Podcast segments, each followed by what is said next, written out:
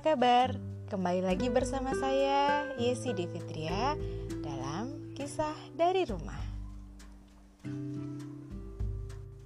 Kali ini saya ingin menceritakan tentang satu bagian di rumah kami yang paling sering kita kunjungi, yaitu wastafel rumah.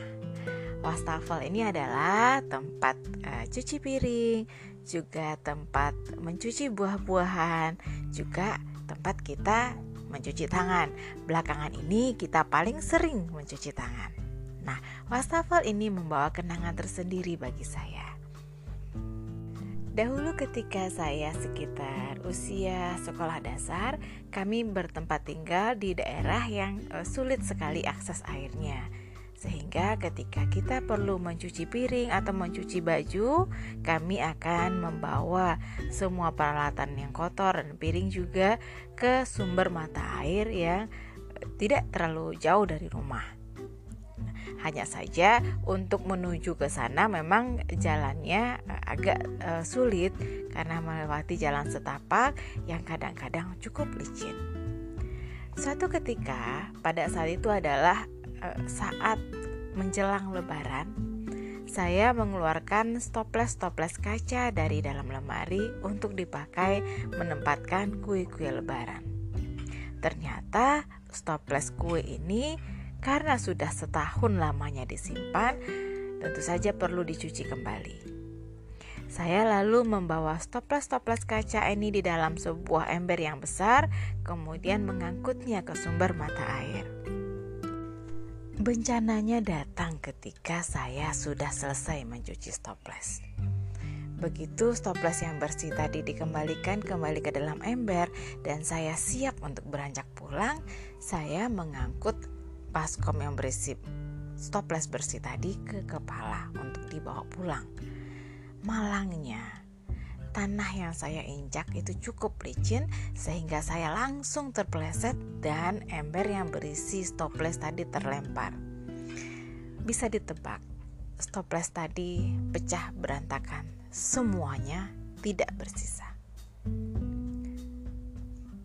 Saya segera mengumpulkan stoples kaca tadi. Karena akan bahaya kalau seandainya ada sedikit saja serpihan yang tersisa di sana bisa melukai penduduk lainnya yang juga datang ke sumber mata air tadi. Kemudian saya pulang dengan dua perasaan. Perasaan sedih karena paham bahwa lebaran esok hari kami tidak punya stoples kaca.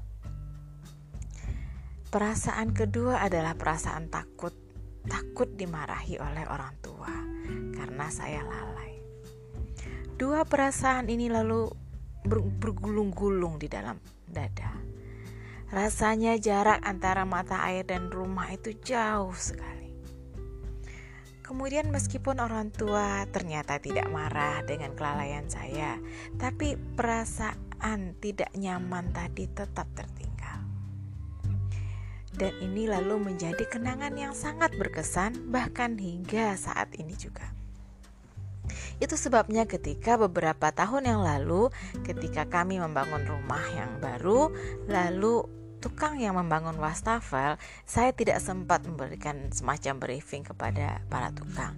Sehingga ketika saya melihat rumah yang sudah hampir jadi, ternyata wastafel itu cukup tinggi bagi saya. Sehingga kalau saya mencuci piring di sana, tangan agak harus diangkat dan kemudian uh, membuat baju jadi basah. Pada saat itu saya ingin komplain kepada tukang. Saya ingin meminta agar wastafelnya sedikit diturunkan. Meskipun itu nanti akan mengubah uh, struktur yang lainnya. Tapi kemudian kenangan lama tiba-tiba muncul di, pikir, di ingatan saya. Kenangan tentang stoples yang pecah tadi. Lalu saya merasa bahwa situasi saat ini sudah sedemikian nyamannya jika dibandingkan dengan dulu.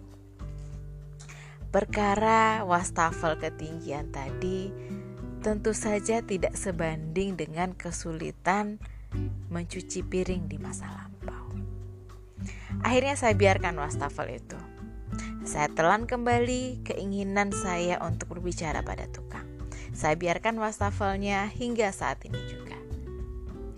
Sebagai pengingat bahwa situasi sekarang sudah jauh lebih indah dibanding masa lalu. Sebagai pengingat bahwa sudah terlalu banyak yang saya syukuri sejauh ini. Demikian kisah saya hari ini.